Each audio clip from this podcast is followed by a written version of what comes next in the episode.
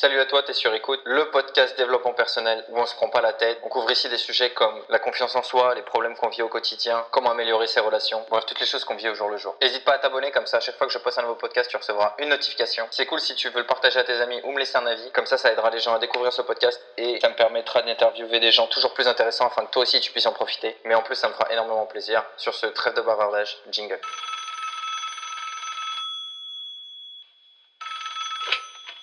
Allô, c'est toi? Quitte pas, t'es sur écoute. Maybe you should pull the fucking trigger. Pull the trigger. Ain't nobody gonna do for you. Pull the trigger.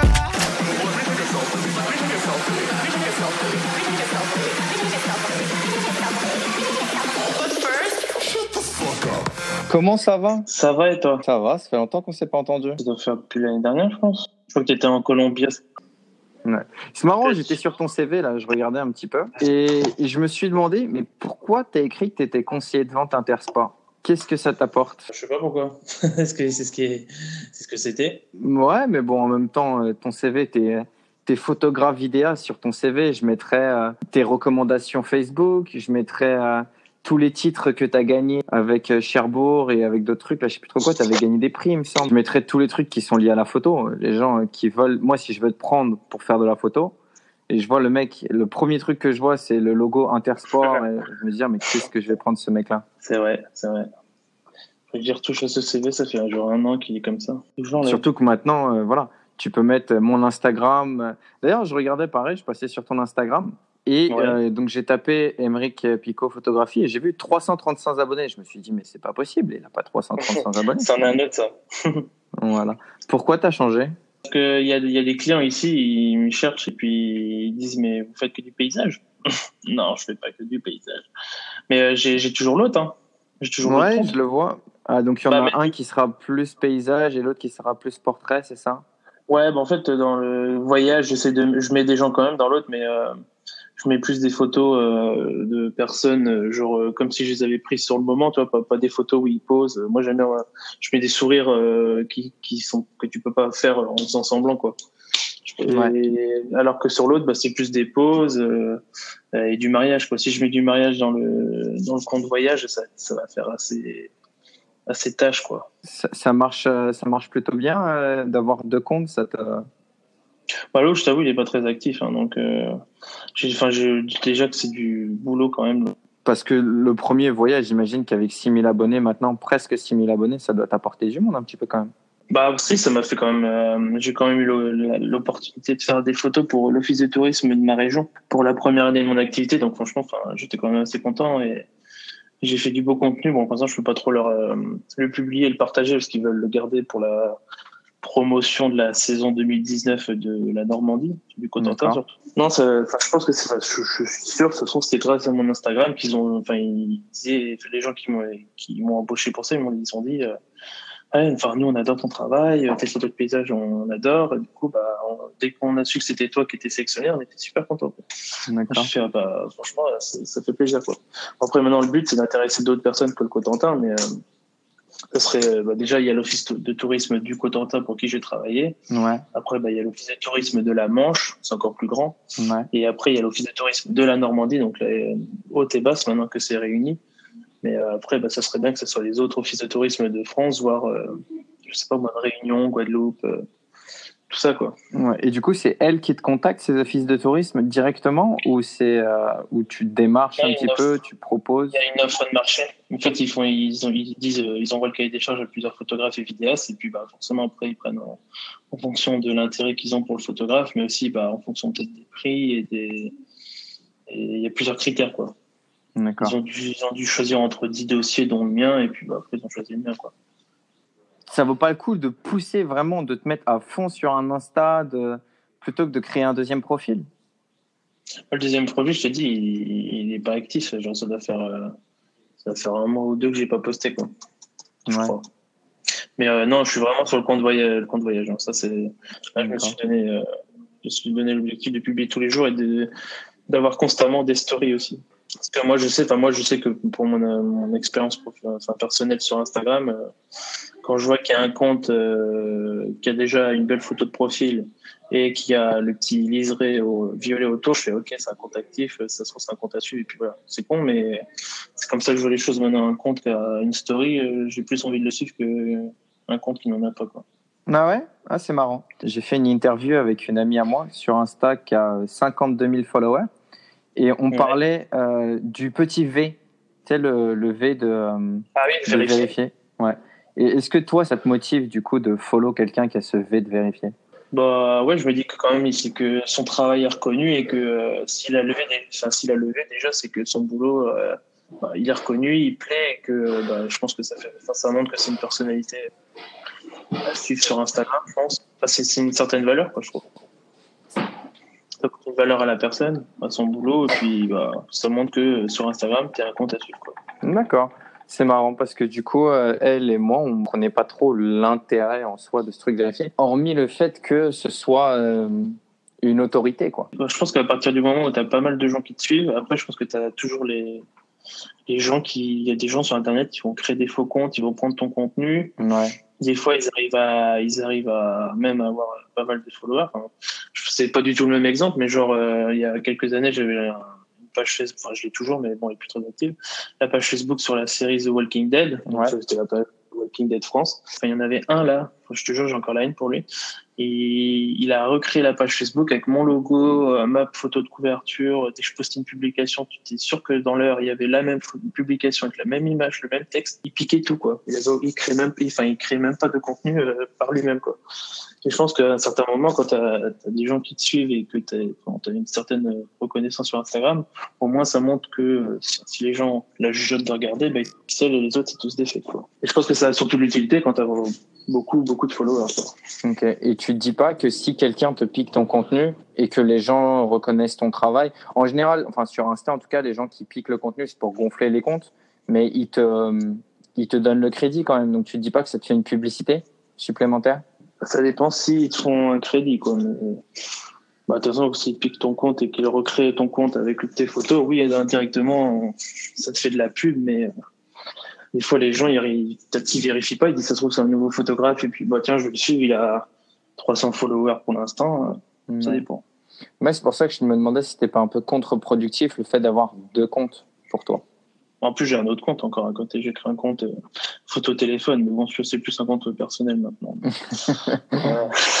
Euh, Mais maintenant, non, non, je me focalise vraiment sur ce compte-là parce que je veux qu'il il monte et que je sois, que je sois suivi, surtout pour mon côté euh, paysage, photos de voyage, photos de personnes qui s'amusent dans un environnement joli, quoi. ouais. À côté, je fais d'autres trucs importants ici à Cherbourg. Je fais des photos de couple, je fais des photos de mariage, je fais des photos euh, d'animaux aussi. J'ai fait un shooting de Golden Retriever pour Noël, c'était assez drôle. Ouais. Mais euh, j'ai rien mis de tout ça sur Instagram parce que peut-être que je remettrai en story, hein, limite un jour. Parce que Instagram, c'est ta plus grande rentrée d'argent, c'est là que tu chopes la plupart de tes clients? Ah non, non, c'est surtout, euh, c'est surtout par la page Facebook. Ouais, parce que tu as Surtout, 1300 euh, followers aussi sur, sur Facebook, ce qui est quand même énorme. 1300 1350, ouais. Pour l'instant, ça monte petit à petit. Ouais. Et sur la page Facebook, c'est une autre cible, peu, parce que j'ai surtout des gens de, de la région, contrairement à Instagram, enfin, même s'il y a quand même beaucoup de gens de la région aussi, j'ai remarqué. Parce que quand je poste une photo qui est de la région, j'ai j'ai plus de likes qu'une photo qui est de New York, par exemple. Mais sur Facebook, euh, non, par contre, je mets mes photos de voyage. Enfin, j'en ai beaucoup, mais je sais que c'est pas ce qui me plaît le plus. Vraiment, la page Facebook, c'est la communication euh, sur euh, mon- mes autres, enfin, mes autres domaines d'activité. D'accord, mais c'est ceux qui te rapportent le plus? Ouais, les gens ils me contactent. Rien que ce matin, j'ai eu un, j'ai fait un devis pour un shooting euh, au mois de juin. C'est un, c'est pour un couple et ils m'ont contacté par la page Facebook. C'est marrant parce que tu pousses ton Instagram qui te rapporte peu contre ton Facebook qui te rapporte beaucoup. Pourquoi? Ah non, ça- je fais les deux. Hein. Ouais. Facebook, il se passe pas, il se passe pas une journée sans que je poste une, une publication par jour minimum. Non, je, je booste ça comme là-dessus, quoi. J'ai changé d'ailleurs ma photo de couverture pour montrer toutes les, tous les domaines d'activité, parce que je fais de la photo et de la vidéo, mais aussi du graphisme. Ouais. C'est-à-dire graphisme, je peux faire des cartes de visite pour des nouveaux entrepreneurs, des clients, logos, catalogues, euh, tout ça, quoi. Mes gros domaines de communication, enfin, mes, les deux gros réseaux sociaux sur lesquels je communique, c'est pas Facebook, parce que ça, j'ai pas le choix, Ouais. et euh, Instagram, quoi. Et mon compte euh, personnel qui était, enfin, mon ancien compte, enfin, c'était un compte personnel Facebook, mais maintenant, c'est devenu un compte pro. donc, Ok. Et, et les trucs comme Pinterest, t'as tenté? Je suis dessus. Ouais. pour, euh, pour m'inspirer euh, de, de mes shootings parce que là, euh, Tu vois, là, je fais beaucoup de paysages, mais j'aimerais bien aussi me mettre à, à faire des photos de modèles dans, dans des domaines, enfin, dans des domaines qui me plaisent, quoi. Justement, pour alimenter le Instagram, que bah, c'est beau les paysages, mais j'aime bien aussi, j'ai envie de montrer qu'il y a un peu de la, un peu de vie, quoi. Mais du Et coup, ça, tu postes pense pas sur Pinterest? Non, non, je pose pas sur Pinterest pour le moment. Parce que je me dis que si toi, tu trouves des photos qui, t'inspirent, peut-être que les autres trouveront tes photos inspirantes aussi. Donc ça peut t'amener une certaine crédibilité. Parce que justement, donc pour en revenir avec Johanna euh, de, de la French Peak, donc elle, elle disait que 45% de son chiffre d'affaires de ses clients viennent d'Instagram, d'où elle a 52 000 followers, mais qu'elle en a Mhm. beaucoup qui viennent de son Facebook. Elle a à peu près autant de, que toi, je crois, elle a 1400 personnes, et toi, tu as Ouais. 1300, il me semble, 1350, ce que tu disais tout à l'heure, et 1364. 1381 personnes te follow, dont moi. Et Pinterest, donc, elle disait, où elle, vu qu'elle est dans la mode, ça lui a apporté un peu de clients, mais ça faisait trois mois qu'elle était. J'ai l'impression que Pinterest, c'est vraiment ce truc que tout le monde sous-évalue, que personne ne prend vraiment au Ah, sérieux, mais il y a beaucoup d'argent à faire dessus. Franchement, euh, je pense qu'il y a de quoi. Enfin, c'est une vraie source d'inspiration, en vrai. Ouais. Euh, moi, du coup, euh, je, je fouille, je fouille. Je fais... Là, justement, je voulais faire un shooting dans le domaine du rétro, parce que je sais pas, j'aime bien pour l'instant. C'est un peu la mode d'ailleurs en ce moment. Les... Même les musiques ou nos chanteurs s'habillent un peu en mode rétro maintenant. Mhm. Du coup, bah, j'ai tapé euh, rétro shooting et j'ai vu plein de choses et j'ai fait, waouh, ouais, il y a de quoi faire, quoi. Ça, ça donne envie de faire pareil. Et en tant que vidéaste, YouTube, Ouais, bah, je poste euh, quand je peux. C'est vrai que la première année de mon activité, j'ai pas forcément, j'ai plus fait de photos que de vidéos. Euh, si j'ai une vidéo à faire, je la posterai sur YouTube et sur Vimeo. Le 19 mai, je vais deux semaines en Thaïlande. Là, j'ai pas le choix que de faire une vidéo, quoi. Là, je vais faire vraiment une vidéo pour montrer ce que je, ce et aussi booster la communication, quoi. Dont Instagram, forcément. Et du coup, tu arrives à vivre à temps plein de la photographie? Parce que je sais qu'on en parlait l'année dernière. On avait fait une mini-session de coaching et tu me disais que tu devais faire d'autres trucs pour terminer les fins de mois ou t'hésitais à reprendre un boulot ou une autre activité. Je te disais, bah, lance-toi à fond ou lance-toi dans un truc. Donc, euh, avec ta communauté, par exemple, de The Walking Dead, qui avait plus de 100 000 personnes, je crois. Ouais, là, 130 000. La pauvre, elle est en train de mourir, la page. Ouais. En fait, ouais, quand j'ai lancé mon activité, c'était 1er février bah, l'année dernière, donc en 2018. Ouais. J'ai j'ai fait, ouais, bah, vas-y, on saute dans le bain et tu vois comment tu nages, quoi. Mhm. C'est en gros ça. Et du coup, j'ai fait, bon, bah, testons. hein. Le premier mois, j'ai fait 150 euros. Bon, bah, j'étais encore chez mes parents, donc ça va. Ouais. Puis après, euh, petit à petit, ça a monté, ça va. Mais bon, j'ai j'ai fait une première année, donc euh, j'ai pu faire euh, 16 000 euros euh, de chiffre d'affaires. C'est pas, c'est pas ouf, mais c'est pas non plus dégueu, quoi. Ouais. Donc ça, c'était prestation de services et vente, parce qu'au milieu de l'année, j'ai décidé de vendre mes photos en impression sur euh, mon site internet. Et, Donc, et ça marche, du coup? Ah, Pas pour l'instant. Pour l'instant, c'est, c'est- je pense que ça a été surtout pour, euh, ça a été créé, maintenant c'est fait. Enfin, le gros du boulot, enfin, il y a toujours du boulot à faire sur la boutique, mais c'est bien. Mais au moins, ça a été fait Ouais. que quand, bah, si un jour, j'espère que le compte Instagram monte, euh, enfin, augmentera au niveau des- de, de ces interactions, et ben là, justement, euh, elle sera prête, quoi. Donc, euh, ça, pour l'instant, c'est pour après. Mais au moins, euh, après, je, je compte pas sur ça pour vivre, quoi. Je me dis, si j'ai gagné 100 euros de plus dans le mois, bah, tant mieux, c'est grâce à ça, quoi. Mais non, je compte pas ça sur, je compte pas pour ça pour lui. Du coup, par exemple, là, ce mois-ci, euh, j'ai pas de prestation, je suis à zéro de chiffre d'affaires. Mais euh, c'est intéressant de, de gérer son entreprise. Tu mets ton argent de côté et puis bon, j'ai déjà mon salaire de mars de côté, quoi. D'accord. Juste avoir géré son argent, quoi. Ok. Mais sur, sur le long terme, tu espères ne vivre que 100% de la photographie de toute façon. C'est le but De toute façon, maintenant. ouais, je, je comme ça. Hein, si je fais rien d'autre à côté, mis à part mon activité, quoi. J'ai pas Et c'est marrant parce Ouais, parce que t'as as quel âge? T'as 24 ans aujourd'hui, c'est ça? 20, 23. 22. 22 toujours? Ah, parce que je regardais, euh, je regardais sur, le, sur la page et il y avait écrit 22 ans, mais publié en 2017. Donc, j'avais pas vu que tu avais fait euh, la mise à jour ou que la mise à jour. Ah, Donc, euh, peut-être, ouais. Non, non, c'est 23 le 15 mai. Ah, juste en Thaïlande. Ok, donc super. Donc à 23 ans, tu es déjà, euh, enfin pas encore 23 ans, à 21 ans, tu étais Mm. déjà entrepreneur et tout ça. Comment, enfin, j'ai vu le cursus, mais comment tu as fait pour avoir un DUT et ta licence et tout ça euh, et, boucler tout ça jusqu'à 21 ans, c'est pas trop dur, tu as le support de tes parents. Comme tu dis, j'ai fait un DUT MMI, enfin, c'est à, une heure de chez moi. C'est le métier du multimédia et de l'internet. C'est un DUT assez intéressant du fait que tu vois tous les domaines d'activité dans, bah, justement, dans le domaine du multimédia. Donc, j'ai fait, euh, fait de la photo, de la vidéo, de la création de sites internet, euh, de l'application web. On a vu du marketing, on a vu comment faire de la bonne communication. On a eu des cours de l'histoire de l'art. Enfin, vraiment beaucoup de choses. Et du coup, bah, malgré, enfin, c'est c'est un super diplôme et c'est c'est ça qui est cool. Mais après, c'était c'était très général sur tous les domaines. Donc après, il faut se spécialiser. Donc après, j'ai fait une licence pro euh, qui était spécialisée dans la création d'émissions télé et dans la scénarisation. Bon, après, les émissions télé, Ouais. pas forcément mon dada, mais c'était intéressant de voir comment fonctionne un plateau de télé avec les fonds verts et tout ça. Et Mhm. grâce à cette licence-là, j'ai fait euh, six mois de stage dans le domaine de la photo à New York avec un, indépendant euh, justement aussi euh, là-bas. Donc lui, il fait du shooting de Français euh, qui viennent en tant que touristes à New York. Donc tous les jours, bah, je faisais des shootings photos de Français, pas loin du pont de Brooklyn, à côté du pont de Brooklyn, Central Park, Times Square et, et tout ça quoi. Pendant six mois. Ok. Et puis après, euh, aussi pendant 3-4 jours, j'ai eu la chance de faire aussi euh, de la vidéo euh, aux Nations Unies.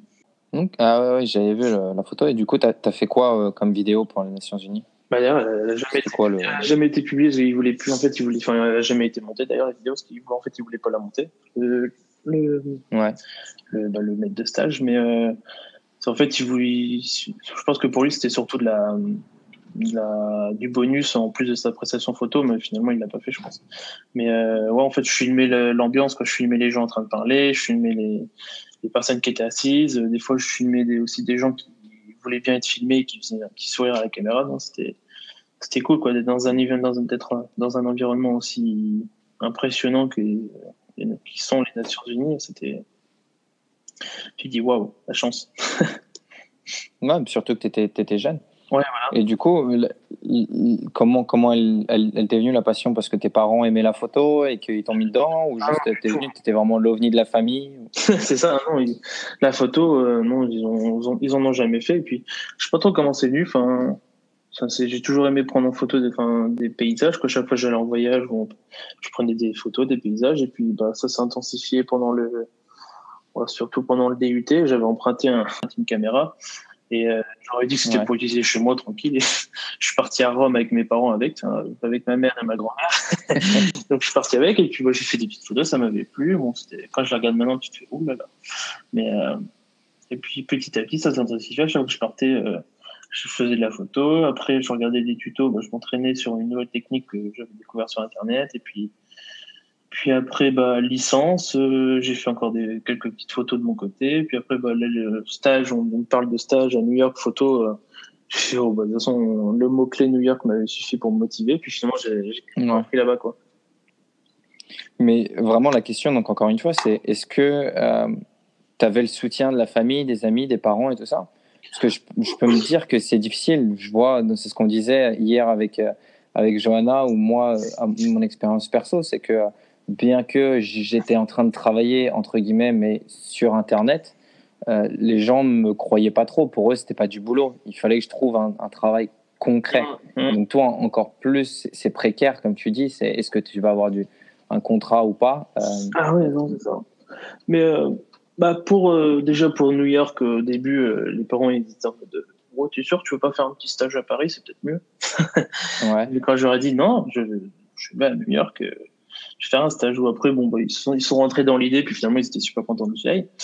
Et après, Ouais. quand j'aurais dit que je suis rentré, quand, quand je suis rentré en six mois après, j'aurais dit, bah, bon, bah, je vais, je vais lancer mon statut d'auto, enfin, d'auto-entrepreneur, quoi. J'ai envie de bosser par moi-même. Je les aime, hein, mais ils m'ont pas forcément soutenu, quoi. C'était plus, euh, Ouais. t'es sûr que tu veux pas travailler euh, deux ans dans une boîte avant, voir comment le, le métier fonctionne, et puis après tu te lances, quoi. Je suis fait, bah, non, enfin, j'ai pas envie, euh, ça m'intéresse pas, et puis, j'ai envie de voir ce que ça donne, quoi. Donc, euh, bah, j'ai lancé, je leur ai pas forcément laissé le choix, puis finalement, bah, ça va, quoi. Bon, là, toi, je suis à, comme je, là, je suis à zéro de, de chiffre d'affaires pour le mois de février. Là, tout, enfin, rien qu'hier, j'ai une, une petite réflexion, mais c'est juste de l'inquiétude, quoi. C'est l'inquiétude euh, gentil, quoi. C'est du mode, euh, tu veux peut-être faire, faudrait peut-être que tu trouves un boulot à côté, un petit CDD qui te rapportera 1000 euros euh, de soutien dans le mois, quoi. Je fais non, mais Ouais. pas grave, j'ai rien ce mois-ci, j'ai déjà mon salaire de côté, bah écoute, euh, je vais faire en sorte de gérer euh, les prochains mois, quoi. Ouais, voilà. Ou trouver un moyen de d'avoir plus de rentrée d'argent ou de, C'est ça. enfin voilà, de, de développer la com, de développer le truc, parce qu'il n'y a pas que le fait d'être sur place. euh. Ah non, c'est Mais ça. ça te prend, et ça, ça te prend combien de temps de travail à peu près pour gagner euh, un mois correct? Tu dois travailler combien d'heures? C'est difficile du fait que, en plus, je fais de la photo, de la vidéo et du graphisme, c'est très, c'est très, c'est très aléatoire. Du coup, euh, ça dépend. Pas, un shooting d'une heure représente à peu près euh, 5 heures de boulot euh, derrière, enfin 4 heures de boulot plus l'heure de boulot. quoi. C'est la retouche, le, contact avec les clients, faire les devis, la livraison des photos, la publication du reportage et tout ça. Une vidéo, ça dépend aussi de ce qu'ils veulent. Par exemple, euh, les vidéos, ça peut très varier euh, au niveau de leur prix. Quoi. Ça peut être euh, 600 euros, comme ça peut être. euh, il n'y a pas longtemps, normalement, là, j'espère, je vais faire un devis pour une vidéo de à 3200. Quoi. Donc ça, Et du coup, bah, ce devis de 3200, ça va te faire bosser combien, de- combien de- d'heures, de jours de- Euh, ça, bon là j'ai pas calculé, mais il faut déjà que je fasse un scénario. Donc le scénario, ça va peut-être mettre euh, 4 heures ou 5 heures. Après, il y Mhm. aura 6 jours de tournage. Et puis au niveau du montage, euh, je dirais 3 jours, quoi, ou même plus. euh. Il y a quand même plus. hein. Après, il y a la, trouver la musique, faire le montage, euh, trier les meilleurs plans dans tout ce qu'on aura filmé. Non, il y aura, je dirais peut-être un, un bon mois de boulot, quoi. Ouais, donc euh, c'est quand même parce que il y a plein de trucs de quand, quand on sort, euh, il y a des gens qui veulent rentrer dans l'entrepreneuriat, c'est un petit peu le- les questions que je pose comme ça parce que quand on rentre dans l'entrepreneuriat, on se dit je veux être indépendant, je gagnerai plus d'argent, je serai plus libre. Et au final, euh, on en parlait donc encore une fois hier avec Johanna, c'est que bah il y a, des mois tu gagnes, il y a des mois tu gagnes rien du tout. Et elle, elle disait, elle bosse honnêtement, enfin de ce qu'elle disait, c'est que du lundi au samedi, de 8h à minuit, et elle faisait 3 heures de pause dans la journée, quoi. Mais sinon, elle était tout le temps, tout le temps, tout le temps, tout le temps au boulot. Et c'est comme ça qu'elle a gagné ses 52 000 followers. C'est comme ça que si, que ça. Et donc, toi, Ah, ouais, pareil, si tu veux, ouais, si tu veux bosser. Et en plus, bah, si tu parles des boulots euh, en soi euh, du travail, mais il y a aussi toute la création, j'imagine, enfin, d'avoir l'idée, de savoir comment, comment Ah, tu ça. apprends ci, comment tu apprends ça. dans, dans le domaine qu'on est, faut, on est dans la, enfin, j'apprendrai, enfin, si je fais de la photo toute ma vie, jusqu'à la fin de ma vie, j'aurai des, trucs à apprendre en photo, ça c'est. Il y a toujours des, on, y a, faut toujours euh, constamment se renouveler, faut toujours, il y a toujours du, puis à côté du boulot, il y a aussi le, travail de l'entrepreneuriat qui est la comptabilité, la com, euh, faut, faut être multitâche, quoi. Et tu penses que du coup, la, com, euh, c'est quoi pour toi le, plus important? C'est quoi qui te rapporte le plus? C'est le fait que tu prennes des jolies photos ou c'est le fait que tu saches bien te vendre? Bah, je pense que l'un va pas, enfin pas trop sans l'autre. Enfin genre, euh, euh, il y a la semaine dernière par exemple, j'ai fait bon bah là j'ai pas trop de taf. Bon ça m'a pas forcément rapporté du taf, mais euh, j'ai dit bon je vais faire de, les, c'est pas une critique, mais les gens, les gens de, qui me suivent, euh, surtout sur la page Facebook, sont très chauvins. Si je si Ouais. je vais poster une photo de New York, je t'ai dit ça va pas faire trop d'interaction. J'ai dit bon euh, là il fait beau, je pense que le coucher de soleil va être beau, je vais me promener dans le charbon, je vais faire des photos à la fois pour moi, mais aussi je savais que c'est pour ma com et je savais que ça allait à peu près faire un, plus d'interaction que certaines autres photos. Donc j'y suis allé et, finalement bah, j'ai posté mes photos, ça a pas mal marché. J'ai dû faire euh, euh, 12 000 vues, Ouais. 12, 000 12 437 personnes atteintes. Et du coup j'ai fait ah ouais bah j'ai que 1300 personnes, euh, 12 000 personnes ont vu mes, publications quoi. Alors que j'ai posté hier une autre photo, euh, 450 personnes ont vu mes photos quoi. Ma photo. Donc, euh, mon travail, enfin, c'est ça que bien dans le domaine de la photo, c'est que mon travail, forcément, bah, ça joue aussi sur la com. quoi. C'est que mes, mes visuels de communication sont forcément mes photos. quoi. Après, il faut savoir, euh, au fur et à mesure du temps, ça, se- ça se voit. C'est, tu vois ce qui plaît plus au client, quoi. Ouais, les poster à la bonne heure, les poster à la bonne. Est-ce que tu fais des cibles? Parce que je sais que maintenant Facebook te permet de, de cibler tes posts. Tu peux dire des gens qui aiment la photo, des gens qui sont des hommes, des femmes, l'âge. Ah oui, quand on savais sponsorise, quand on sponsorise euh, une publication. Mais même, mais même gratuitement, maintenant, quand tu postes, quand tu as une page. Et du coup, est-ce que tu fais du boost post? Est-ce que tu fais des trucs comme ça, ça te... Moi, J'ai dû faire deux fois, mais j'avais pas mis grand chose. Hein. C'était, j'avais mis que, que 10 euros, mais euh, pff, j'avais rien rapporté. J'ai fait, pour 10 euros, ça m'a rien fait. Ça j'ai dit peut-être que ça va me ramener euh, euh, un petit peu plus qu'un poste normal. Mais j'ai fait, oh là là, déception. Ouais. Non. Donc euh, peut-être que si je mets 100 euros, mais là, je peux mettre 100 euros juste pour un poste quoi, pour l'instant. Ouais. Que je vois pas trop. Enfin, vraiment que j'ai une grosse promotion à faire, quoi. Mais Ouais, après, sur des posts où tu vends un service, peut-être. Moi, j'avais fait ça pour euh, quand j'avais fait une offre sur ma boutique et euh, je sais plus, je crois que c'était les offres Noël, je sais plus, mais euh, et ben ça m'avait rien fait quoi. Ouais. que dalle, donc j'ai fait bon. Est-ce que ça- Donc, pour, donc, de toute façon, pour toi, en gros, le, le, le vrai avantage, entre guillemets, c'est que ton marketing est plus ou moins gratuit. C'est beaucoup de temps, mais c'est pas d'argent. C'est ça. Ouais, non, je fais beaucoup de com et, et après, je pense que c'est pour tous les réseaux. Plus tu postes régulièrement, plus tu es vu par, tes, par les personnes qui te suivent en plus. D'accord. Ça, les, les, les gens ils disent euh, c'est marrant. hein. Pourtant, je, enfin, ils, ils- je- rarement je vois des likes de leur part. Quoi. Ils me disent je vois tout le temps tes, tes publications. Je fais t'as sponsorisé. Je fais bah non. Ouais. je fais juste tous les jours. Quoi. Et puis après, bon, comme j'ai dit, mon compte personnel est devenu un compte pro maintenant parce que bah, depuis que je suis auto-entrepreneur, je dois avoir 5 cinq demandes d'amis par jour. Quoi. Mhm. Je suis bientôt à 1000 amis alors que je connais même pas la moitié. Quoi. Mais du coup, bah, dès que je poste une publication sur ma page, je, je partage aussi sur le compte euh, personnel. Quoi. Et donc, tu te considères en quoi? Tu te considères photographe, enfin photographe vidéaste, entrepreneur ou influenceur? Ah, j'aime pas, j'aime pas le mot influenceur, mais c'est le mot qu'on utilise maintenant. Mais euh, non, je pense pas influenceur, mais enfin, je pense que mes photos euh, sont vues, mais que locales pour l'instant. bah, 17 000 personnes, c'est plus local. Hein Quand tu as, posté ta photo de, de coucher de soleil Ah oui, 12 000 là, ouais, 12 000. Ouais. Oh, Pardon, 12 j'ai 000, un peu je- gonflé. pas de souci. 12 000, euh, ouais, bah, j'ai fait. euh, ouais, ça a plu, quoi, c'est cool, mais euh, c'est que, c'est que du local. Admettons, si. bah, après, sur Instagram, j'ai d'autres types. bon, c'est- mais je, je dirais plutôt pour l'instant photographe et vidéaste. Et, euh, puis si, je pense qu'on pourrait parler de influence si on, si on utilise le mot, peut-être à partir de. Je pense qu'à partir de 10 000 followers sur Instagram, je trouve que ça, devient, ça commence à devenir un peu intéressant. Quoi. C'est marrant ce truc de, euh, de la marche des 10 000 parce que moi aussi, euh, je dis à partir de quelqu'un, à partir du moment où il a 10 000, il est important. Mais en soi, toi, tu as plus de 5 000, tu as 5 900, presque 6 000. Mais 6 000 personnes qui te suivent, il n'y a pas beaucoup de comptes qui n'ont pas, t'as pas payé. Enfin, je sais pas si tu as payé ou pas. Mais euh, Non, non, j'ai pas payé. voilà, Bah, il n'y a pas beaucoup de gens qui ont 6 000 personnes qui les suivent sans avoir payé.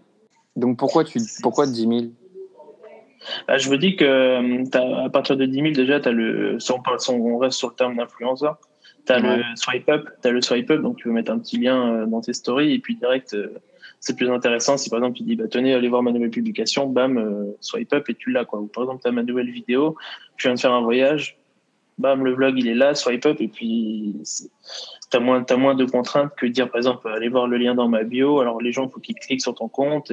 Enfin, le moins il y a d'interaction à faire pour les gens, mieux c'est, quoi. Ouais, ouais, c'est c'est vrai. C'est- surtout pour ça que je trouve euh, plus intéressant. quoi. Bon là, j'ai, c'est la deuxième marque, mais la première, j'ai dit non. Là, une première marque qui m'a contacté pour euh, faire euh, un- une publication euh, sur mon compte Instagram et trois stories. Donc j'ai bon, dit bon, vas-y, moi il faut que tu te lances un peu. Donc je, je, je suis- j'ai accepté quoi, je vais le faire. Ouais. Donc je recevrai bientôt de produits, mais euh, est-ce que ça va influencer J'en sais rien. On verra. Ça serait la première quoi. Et, et, et c'est un produit qui correspond à ton image de marque, entre guillemets, ou c'est un produit qui n'a rien à voir et juste parce que tu avais besoin de, de clôturer le Ah. mois ou... Non, non, parce qu'en fait, c'est juste, euh, ils m'envoient le produit et euh, je suis pas payé pour ça. Enfin, je suis pas payé, euh, j'ai j'ai le produit, quoi. Je le garde pour moi après. Mais euh, donc, je me dis, bon, bon, on va pas, on va pas forcément dire. euh, Enfin, vu que je sais que, enfin, vu que je sais pas justement si c'est, si mon compte influence ou non les gens, je dis, je- ça va me permettre aussi d'évaluer si euh, justement j'ai un peu d'influence et ça se trouve s'ils ont 4, 5 ventes, quoi. Donc, Ouais. euh, je, me, je, je, je me suis pas permis de dire, bah non, euh, en plus de votre produit, je veux euh, une certaine rémunération. Et pourquoi pas? Donc, euh, mais après, bah, pour l'instant, je me suis dis, je vais pas prendre, de- je vais pas me vendre, euh, je veux pas vendre du vent, quoi. Bah ouais, mais bon, en même temps, il- tu vends pas du vent. Toi, tu vends un produit qui est euh, trois, trois stories. Je pense qu'il y a beaucoup de gens qui se sous-évaluent comme ça. C'est quelque chose que je faisais énormément avec mon coaching. Au début, je, je venais d'être certifié. J'avais déjà coaché plein de gens, des amis à moi, euh, quand j'ai fait l'Ecom Villa et tout ça. Mais les premières personnes que j'ai coachées, j'ai coaché au moins 10 personnes gratuitement. Tu vois, Ouais. parce que je, je donnais pas de valeur à mon truc. Et, et là, dernièrement, j'ai dit au client combien tu penses que ça vaut que je change ta vie? Et la personne m'a dit euh, c'est inestimable. Je lui ai dit bah tu comprends que je peux pas te donner un prix estimable. Combien tu es prêt à me payer? Tu vois? Et parce que à partir du moment où tu rends un service, Donc toi, que ce soit poster trois photos, peu importe que la personne, euh, elle, euh, elle, elle y retrouve son compte ou pas, c'est que tu lui dis, pour toi, tu estimes que ça vaut combien Tu vois, à combien tu estimes les retombées Donc si eux, ils estiment 5 ventes, par exemple, 5 ventes, ils vont faire euh, 20 balles de profit, bah, ce serait normal que dans les 20 balles, il y ait 2 balles qui soient à toi, par exemple, ou 5. Oui, c'est sûr. C'est vrai.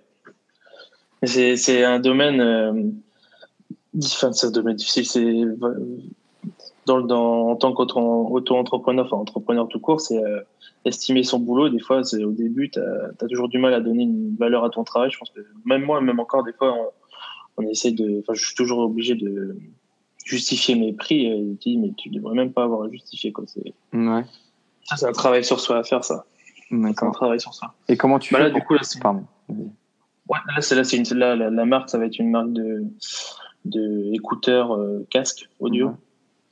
Donc, euh, je pense que ça rentrera dans mon fil. euh, je demanderai à une personne de, de faire un modèle pour moi. On va faire une photo un peu, bah, justement, lifestyle, euh, fi- fille ou mec qui s'amuse. Enfin, je vais encore, il va falloir que j'étudie ça encore. Et puis, euh, ça rentrera bien dans, dans le fil d'actualité, quoi. Donc, en faisant ça, tu plus photographe, tu es influenceur. Un petit peu on est genre dans le domaine quoi. Après le but c'est euh, forcément oui dans ce que je c'est pour ça que je je- j'alimente constamment mon compte Instagram c'est dans le but de devenir euh, le mot qu'on dit maintenant influenceur quoi. C'est dans le but que moi, je- moi je, suis, je suis passionné de voyage.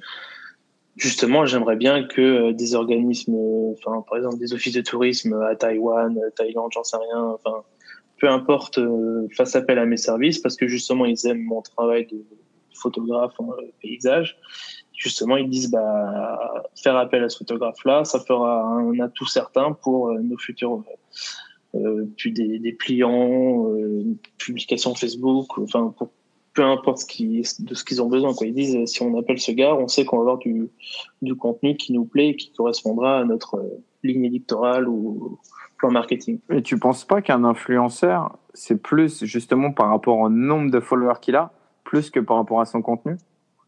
En gros, que, que tu vends tu vends ta base de données plus que, que ton travail?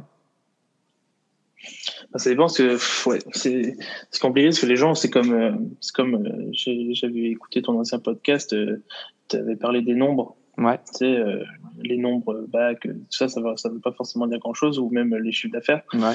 Bah c'est un peu ça, c'est la réalité de la chose, c'est que les gens ils vont dire euh, euh, la qualité de son travail dépend euh, du nombre de followers quoi. Alors que je suis des comptes sur Instagram, euh, j'en fais mais le contenu il est super beau, il a pas forcément beaucoup de followers, tu fais bah c'est c'est la chose. Les gens ils regardent le chiffre peut-être plus que euh, le contenu en lui-même quoi. Ouais.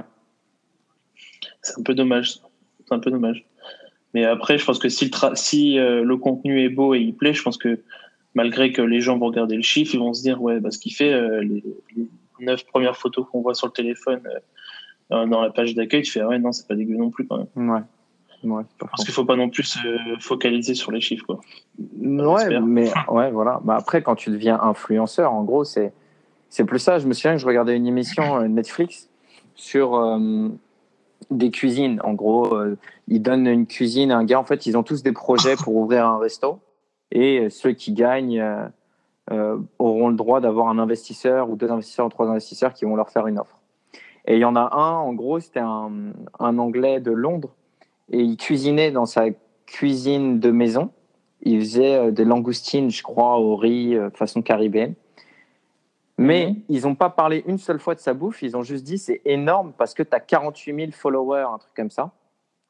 Et Ah. ils voulaient, en gros, cette personne-là, ils voulaient l'acheter, entre guillemets, plus pas par, par rapport à sa cuisine. Parce qu'ils disaient, ouais, ta cuisine, elle est pas mal, mais c'est pas ouf. Mais c'est juste, c'est énorme parce que tu as 48 000 followers. Et donc, du coup, ces gens-là, bah, ils sont fans de toi si tu les as pas achetés. Et donc, ils étaient vraiment intéressés par la base de données parce qu'aujourd'hui, le marketing, c'est ça, c'est ta puissance, c'est toi, ta propre marque. Et donc, lui, la marque, c'était que peu importe où il va aujourd'hui, même s'il fait une recette un peu différente, les gens, ils sont juste contents de savoir que euh, ils mangent le truc hype du moment que tu as connu. C'est c'est- les gens partent du principe que euh, si tu as beaucoup de followers, c'est les gens qui t'ont suivi parce qu'ils aiment ton boulot, donc c'est une preuve de euh, la qualité de ton travail. C'est comme un employeur qui va dire euh, je vais t'employer plus pour ton diplôme que pour tes compétences que tu as, peu importe euh, comment elles sont. Quoi. Ils n'ont pas de preuves, donc euh, ils vont ils vont s'attarder sur le diplôme. Ça. Ouais, j'ai envie de dire que c'est encore pire. C'est plus, euh, c'est plus qui tu connais en fait. Bah eux, ils- tout le monde les connaît euh, puisqu'il a 40 000, 50 000 followers, donc il est connu. Donc là, toi, c'est un peu, tu vas rentrer dans une boîte, t'as pas de CV, t'as rien du tout, mais tu connais euh, la fille du frère, de- du cousin, de- du patron. Tu vois. Je Mm. pense, je pense que c'est plus ça, enfin la façon de, de, de voir influenceur. C'est un peu ça. hein. C'est se montrer une autre. Bah, ok, t'as peut-être pas de diplôme, donc c'est- on va regarder autre chose. quoi. C'est peut-être un peu ça. Comment tu fais pour devenir euh, influenceur? Comment tu as fait pour avoir 6000 followers? Naturellement Euh, je suivais des comptes et euh, après, bon, bah, je, je de follow après, quoi. Mais Ouais. parce que des fois, tu, tu vas voir un compte qui a peut-être euh, qui a, qui a plus de, followers, tu regardes les comptes qui ont commenté ou ou, ou qui le suivent, quoi. Et du coup, bah, tu, tu follow, tu follow, et puis après, bon, bah, après, vu qu'il t'intéresse pas forcément, tu viens de follow, quoi. Après, chacun a son opinion là-dessus, mais c'est c'est une technique, je veux dire, c'est un peu une technique comme une autre. Je sais que ça te permet, on va dire, de créer les bases, quoi. Et après, moi, j'ai- là, j'ai dit bon, j'arrête, et puis euh, j'essaye de de faire par moi-même. Donc du coup, euh, des fois, je fais des petites, enfin, des petites opérations euh, sur Instagram dans mes stories du genre, euh, euh, prends un public, je l'ai fait, je l'ai fait il y a deux jours. J'ai fait, euh, euh, prends une photo de ma story, enfin de, de ma galerie, mets-la dans ta story, et mentionne-moi pour pas forcément une notification. Et en échange, moi, je te mets euh, en- dans ma story euh, ta photo que j'aime euh, le plus dans ta galerie, quoi. Et après, du coup, bah, ça m'a fait un peu plus de, ça m'a fait une montée de followers de 50, je crois. Ah ouais, quand même. C'était assez intéressant ça. 50 followers, je crois. Ouais, je, pas, j'ai pas regardé mon chiffre avant et après, puis forcément, t'as toujours des, t'as toujours plein de comptes qui te follow euh, tous les jours, mais euh, je crois, je crois que j'ai dû avoir 50 euh, followers euh, grâce à ça. Donc là, je me dis, ouais, là, c'est bien, c'est, c'est des gens qui ont vu ton contenu grâce à une story et qui ont cliqué par eux-mêmes, s'abonner, quoi. Donc ça, c'est assez, ça, ça fait plaisir, quoi. Ouais, d'accord, mais c'est très smart. Parce qu'au final, aujourd'hui, euh, si quelqu'un comme toi, tu vois, un, un jeune aujourd'hui, il veut se lancer et on lui propose d'avoir un taf normal ou de suivre sa passion, tu lui dirais de, de, de faire comment? De, de suivre sa passion grâce aux réseaux sociaux ou, ou de, de, faire ses études, de trouver un taf et d'après dans sa passion Qu'est-ce que tu, qu'est-ce que tu donnes si, si, le taf qu'on lui propose c'est euh, quelque chose qui lui plaît quoi. Parce que moi je pars du fin je pars du principe ok bah c'est sûr hein, c'est bien d'avoir un salaire et t'as la sécurité de l'emploi et, et si tu gagnes 3000 4000 euros par mois c'est bien quoi. C'est forcément euh, on peut pas cracher là-dessus mais si tu fais pas un métier qui te plaît euh, tu passes quand même euh, 8 heures par jour dans un taf qui passionne pas forcément. Donc euh, Donc si aujourd'hui, 35 heures par semaine euh, et puis je compte même pas la fin de l'année quoi. C'est c'est je trouve ça enfin je trouve ça un peu triste quoi. C'est dommage quoi. La vie euh, est déjà assez courte. Euh, ok il y a l'argent hein. l'argent c'est c'est sûr que euh, ça fait partie des, des bonnes choses à avoir quoi. Mais faire ce qu'on veut c'est c'est aussi je pense que c'est une prise de risque quoi. Ouais. c'est prendre des risques pour que bah, peut-être ça paye plus tard quoi mais pas forcément maintenant mais peut-être plus tard quoi moi je me dis que j'aimerais bien vivre du voyage d'ici euh, deux à trois ans quoi parce que c'est l'objectif que je me donne donc, donc à côté je continue ma com pour euh, bah, justement être photographe euh, ici et avoir du, du taf dans ma Norm- dans ma Normandie euh, chez moi pour l'instant quoi D'accord. mais quand j'ai du temps voilà je voyage pour créer du contenu pour dans le but que d'ici deux ans bah, on m'appelle justement pour ça Donc tu réinvestis en fait. Pour toi, c'est un Ouais, investissement. J'investis dans mes voyages. Ouais, j'investis. euh, je sais que quand je voyage, je, voyage, mais euh, je travaille aussi, quoi. C'est pour moi. D'accord. Et du, et du coup, tu, tu penses que quelqu'un peut. euh, Moi, c'est ce que je conseille entre guillemets aujourd'hui, c'est que je dis à tout le monde, on est notre propre marque. Et, Mhm. et du coup, ils sont, c'est des panneaux publicitaires ambulants. Alors que si ils faisaient la publicité de eux-mêmes, de leur personnalité, donc grâce à Pinterest, Instagram, Snapchat, euh, YouTube, LinkedIn, peu importe, et qui devenaient une personne comme toi un, un peu plus influente, tu vois, avec euh, 2000, 3000, 5000 followers, 1000, 1000 2000 sur euh, Facebook, t'as pas besoin d'en avoir 300 000, M- mais tu peux gagner un peu ta vie, mais au moins faire, faire, faire ta passion. Ce serait quoi, toi, ton, conseil euh, Enfin, tu donnerais quoi comme conseil, toi, un jeune d'aujourd'hui? Conseil pour euh, quoi exactement pour euh, Bah comme ça, tu vois quelqu'un qui veut euh, devenir, euh, tu vois, entrepreneur ou choisir un boulot et il te dit, bah, je voudrais bien devenir entrepreneur, mais euh, c'est compliqué, je sais pas comment m'y prendre, euh, je sais pas quoi faire, euh, il me faut tellement d'argent pour commencer, il me faut, tu vois. Les gens trouvent toujours beaucoup de difficultés. C'est ça. Bah, moi déjà, je me dis, euh, enfin déjà quand j'ai lancé ma boîte, je me, je me suis dit, euh, bah, vaut mieux, enfin je, non, je préfère me dire, j'ai essayé que euh, j'aurais pu essayer de faire ça, tu vois. Ouais. Donc euh, déjà c'est la première chose. Hein, dans la vie déjà, je pense qu'il y a pas mal, on peut, on a tous sans doute des, des regrets. Euh, essaie de t'enlever ça du, du pied et, et dis-toi bon bah j'ai essayé, c'est pas grave. Et au pire dans le pire des choses que t'as que t'as fait, bon bah ça a pas marché, ok, mais t'as appris à comment lancer une boîte, t'as appris à comment euh, créer ton plan marketing, euh, faire tes cartes de visite. Enfin c'est pas rien, t'as toujours appris des choses quoi. Ouais. Donc euh, déjà, ça serait la première chose que je, que je, que je devrais dire. Quoi. Après, euh, niveau de l'argent, bon bah, s'il y a de l'investissement à faire, bah, moi, avant de lancer ma boîte, euh, bah, j'ai du coup après, c'est-à-dire après New York, je suis rentré. Moi, j'avais plus d'argent. New York, ça a tout pris presque. Mais euh, j'ai pas d'argent. Je suis chez mes parents. Euh, je lance ma boîte qu'en février. Je suis rentré euh, le, le 2 novembre, donc j'ai fait ouais, ça fait trois mois sans rien faire. En plus, c'est l'hiver, il y a, c'est, c'est mort, il y a rien à faire. J'ai fait bon bah je, je suis resté un mois et demi à rien faire. J'ai dit bon moi je je vais travailler, je je vais chercher un travail parce que ça, ça me saoule de rien faire. Et là du coup j'ai été euh, travailler à Leclerc Drive euh, pour euh, l'idée quoi. Et euh, là tout l'argent que j'ai gagné je l'ai investi dans, dans du matériel photo quoi. À peine le salaire tombé, hop on investit, on investit. Et puis euh, tu commences avec les bases. Alors après euh, moi c'était dans la photo donc après c'est un domaine où bah, une fois que tu as le matériel on va dire même si ça se ça se met à jour continuellement bah c'est bon, tu l'as quoi. La région et euh, l'État aussi t'aide euh, au niveau euh, financier un peu quoi. Donc après, moi je dis ok, tu investis, tu perds un peu d'argent, mais au pire, si ça marche pas, bon, au pire tu peux le revendre ou quelque chose comme ça. Donc tu me disais que c'est pour toi ça avait été facile de, de commencer ou plus facile parce que tu habitais chez tes parents? T'es encore Ouais. chez tes parents aujourd'hui?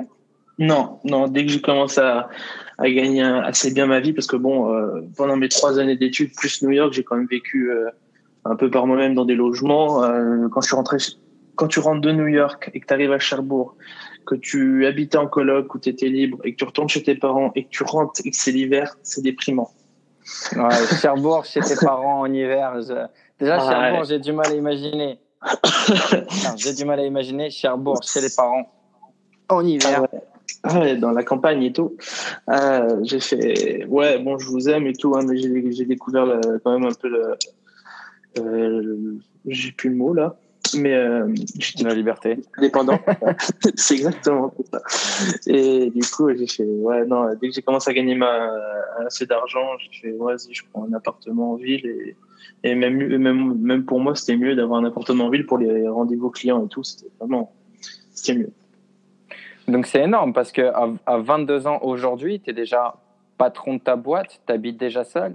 Tu vois, c'est pour ça, en gros, le, le conseil que, parce que je sais pas à quel âge on, euh, enfin, tu vois, quel âge aurait le gars qui, qui écouterait ce podcast, mais imagine, il a euh, 19 ans, il se dit, putain, j'ai encore 6 ans d'études, après j'ai 3 ans pour trouver un boulot, après je dois commencer et je sais même pas si je vais kiffer ce que je vais faire.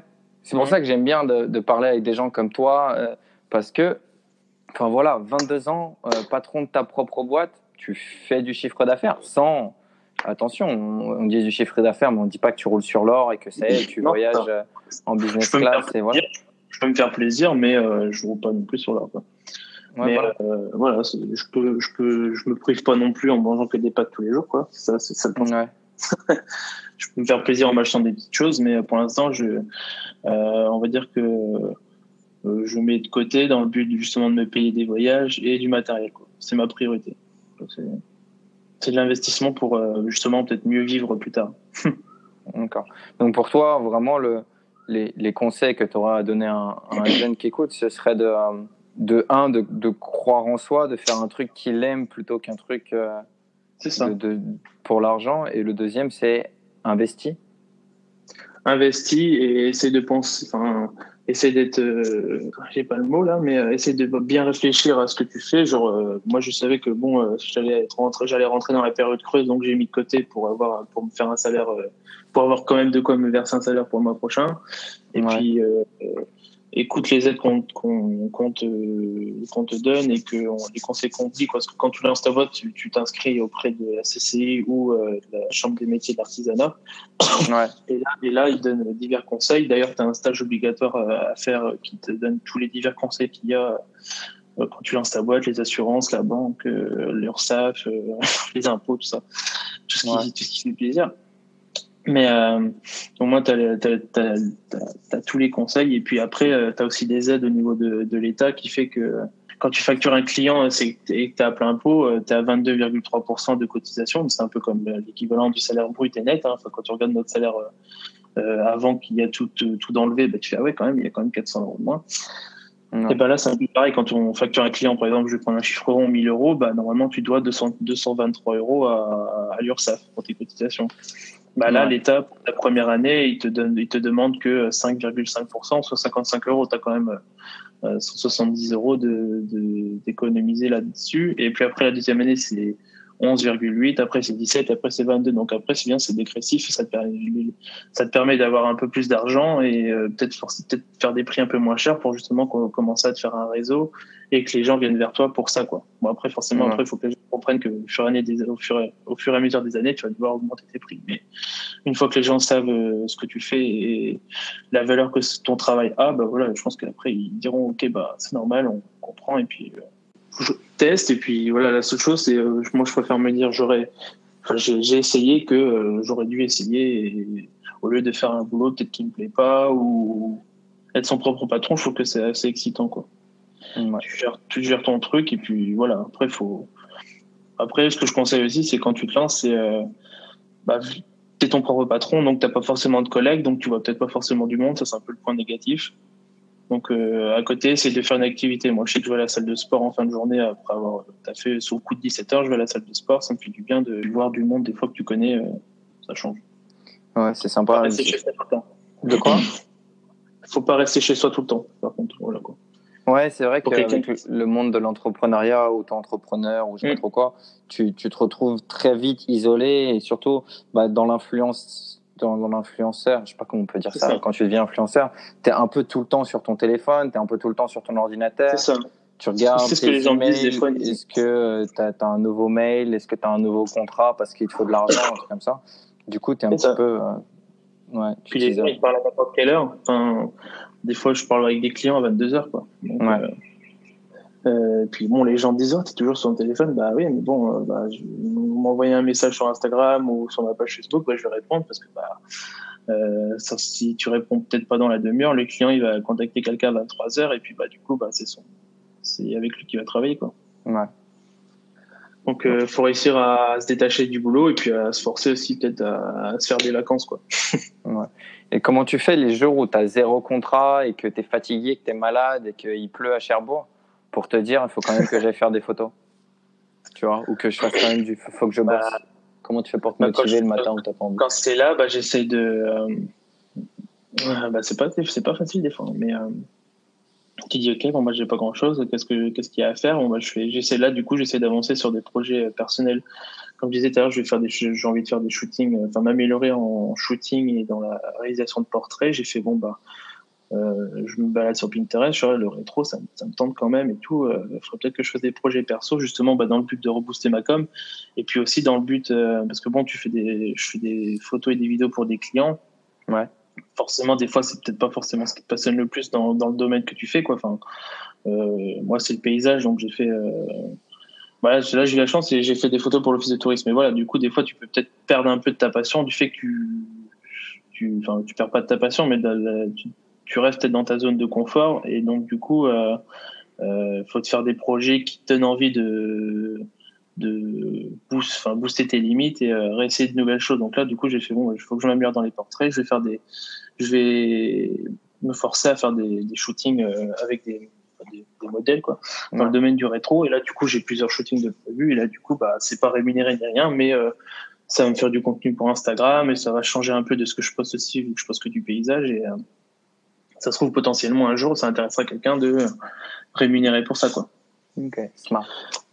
Et puis à côté, euh, j'ai envie de faire une. Ça fait, ça fait trois ans que je parle de cette vidéo-là, mais il faudrait que je la sorte un jour, mais j'arrive toujours pas à l'écrire. Mais euh, j'ai envie de faire une vidéo sur euh, sur ma région, sur la Normandie. Genre, euh, c'est un peu une vidéo de hommage à ma région. Euh, en gros, le, le gros résumé, c'est euh, euh, rendre hommage à ma région en lui disant que tous les atouts qu'on a ici, parce qu'on est une belle région, hein, ça, je peux pas le nier, tous les atouts qu'on a et pourquoi j'aime ma région. Mais après l'avoir euh, après l'avoir découverte et redécouverte, parce que quand tu pars à l'étranger, tu es content de retrouver ta région, Ouais. et ben euh, maintenant je suis prêt quand même à aller voir ailleurs dans le but de mieux la retrouver quoi. D'où euh, le fait que je voyageais, mais toujours revenir au point de départ euh, un peu euh, dans ma région quoi. Donc, du coup, Donc, du même coup, dans ça, c'est- 15 ans, tu te vois toujours en Normandie? Je- Ça je sais pas. Ça c'est ça c'est la grande question de où, où j'habiterai plus tard. Ça je, je je me donne pas de limite. Si, si un jour on me dit euh, bon il y a forcément la famille donc euh, ça c'est un sujet c'est un, sujet mais euh, si un jour j'ai une opportunité de vivre ailleurs enfin j'y réfléchirai quoi je dirais pas non Franchement enfin il y a tellement d'endroits sur terre qu'on peut pas mis à part les attaches familiales et amicales tu peux pas tu peux pas dire que c'est le meilleur endroit sur terre quoi. Il y a tellement d'endroits magnifiques sur terre que je pense qu'on peut se sentir chez soi un peu partout quoi. Et tu te visualises un petit peu, genre, parce que tu es, jeune au final, et, et tu fais déjà tellement. Est-ce que tu te, arrives à visualiser le long terme, à te dire, quand j'aurai 30 ans, quand j'aurai 40 ans, quand j'aurai 50 ans, j'aurai atteint ça, ou j'aurai- j'aurai ça, j'aurai acquis ça, je connaîtrai telle chose ou telle personne? Euh, C'est dur de, de visualiser ce que l'avenir te réserve. Après, moi, je sais que euh, sur plus tard, dans mes ambitions, c'est que j'aime la photo, mais j'aimerais bien qu'elle serve à, à quelque chose. Donc, c'est-à-dire qu'elle serve dans des dans des domaines dans lesquels je me sens engagé, donc à savoir euh, le réchauffement climatique. C'est vrai que j'aimerais bien faire des photos qui vont dans ce sens et qui fassent passer un message de euh, les gens, il faut qu'on arrête de faire des conneries, quoi Ouais. ou dans le domaine euh, euh, de d'autres euh, associations, par exemple les réfugiés ou les, le racisme ou euh, les luttes contre l'homophobie, tout ça, c'est enfin, j'aimerais bien que mes photos aussi servent à, à quelque chose autre que euh, bah, les photos elle est jolie quoi. Ok. Donc j'aimerais bien tra- euh, ouais travailler pour des gens euh, qui vont dans ce sens-là quoi, tout en évidemment malheureusement en, tout en réussissant à en vivre quoi. Que ce soit pas que du bénévolat quoi. Et, et pourquoi pas, euh, tout simplement, gagner assez d'argent à, à droite pour pouvoir faire ça à gauche aussi? Ou faut que- Exactement. Ouais. C'est pour ça que euh, j'ai aussi lancé ma boutique photo. Je dis pas que j'aimerais bien qu'elle roule sur l'or, ma boutique photo, qu'elle me fasse que vivre, parce que je pense que c'est impossible. Mais euh, enfin, c'est- rien n'est impossible, mais euh, bon, c'est du travail sur le long terme, ça. Ouais. Mais euh, qu'elle me fasse assez vivre pour que, par exemple, je puisse me permettre de partir deux semaines en, en- deux semaines dans un endroit, qu'elle me fasse pas forcément euh, gagner des, des 100 et des 1000, mais euh, qu'elle me permette assez pour que si je m'absente deux semaines en prenant le risque de rien gagner, eh ben, euh, je rentre et bon, j'ai un minimum pour vivre et, euh, et euh, assuré pour euh, gérer les- l'autre mois, quoi. Pour la boutique, moi j'ai des idées. Euh, après, tu, Raconte-moi. t'en fais, t'en fais ce que tu, ce que tu veux, mais deux, quand je vois, je quand je vois des paysages euh, en général et qui, qui cartonnent, il y a des quotes dessus, des citations. Et pourquoi pas faire genre des tableaux avec une citation, euh, euh, comme tu disais, tu vois, euh, tu sais la phrase de Orelsan, là, la Terre est ronde. C'est quoi? C'est ça fait toujours plaisir de faire le tour du monde, mais on, on est bien mieux à la maison ou un truc comme ça. Et tu vois, écrire ça, en- C'est ça. en- sur une de tes photos qui est magnifique, et tu vois, et tu peux le vendre en mode tableau, en, euh, euh, en, euh, je sais pas, je connais pas les tailles, mais enfin, tu vois, en plusieurs tailles de, de tableaux, mais avec des, des citations ou avec euh, euh, il fera jour demain ou il fait des trucs comme ça, parce que les gens aiment bien en ce moment, enfin, tu vois, des stickers de citations, des trucs comme ça. C'est vrai. Donc ça, Il y, a, il y a aussi ça à, à- à développer et ça me fait penser aussi en même temps que c'est euh, le côté exclusivité euh, intéresse aussi les gens du fait parce que là euh, sur ma photo pour l'instant les gens peuvent n'importe qui euh, 70 000 personnes peuvent s'acquérir la photo ils auront tous la même ouais. Certains photographes je sais qu'ils font c'est ils, ils lancent un autre statut c'est photographe auteur et ils ont le droit que euh, 30 éditions par photo quoi Ouais. le fait d'avoir une édition chez soi aussi serait, une- comme ça revient un peu à la question précédente, quelque chose que je pourrais voir plus tard euh, évoluer. Quoi. Ouais. Bah, justement, donc la deuxième idée qui était un peu par rapport à l'édition et qui était par rapport à ce que tu disais de de- d'aider entre guillemets euh, certaines causes, mais c'est de faire un bouquin tout simplement, tu vois, mais un bouquin peut-être dans un matériel euh, euh, éco-friendly ou renouvelable avec tes meilleures photos et en disant que, euh, tu vois, je sais pas, 20% de, de, de, ce bouquin, en fait, sert à fonder, euh, tu vois, bah, je sais pas, par exemple, tu peux le faire en plastique, en, plastique recyclé, euh, le bouquin, donc déjà, c'est éco-friendly, mais en plus, 20% revient à une association bah, que toi, tu as fondée ou une association euh, que de, de ton cœur euh, qui correspond, bah, par exemple, si tu l'as fait en, en recyclé, bah, qui correspond à un truc contre le réchauffement climatique. Hum. Ah, ça pourrait être euh, aussi un- une bonne, euh, une bonne idée, quoi. C'est pour ça que j'aimerais bien faire, faire aussi des, des photos de, peut-être forcément dans les pays nordiques, quoi. Ouais. Ce serait bien que, j'ai des, que je fasse des photos au sol, mais aussi euh, au drone euh, de ce qu'on peut voir. Et euh, pour ça, bon, c'est une grande excursion qu'il faudrait faire, mais j'aimerais bien justement faire ça, quoi, avant que ces, mer enfin, ces merveilles-là puissent disparaître un jour. Donc, le- les, les trois, trois, quatre idées qui me sont passées par la tête. Un, je le vis en Thaïlande. Moi, j'habite dans un endroit un peu paradisiaque, entre guillemets. Mais c'est vrai que des fois, je sors et je vois une tonne de pollution dans l'air, ou je vois plein de plastique par terre, ou je vois des gens, tu vois, habiter à Mm. moitié dans les poubelles.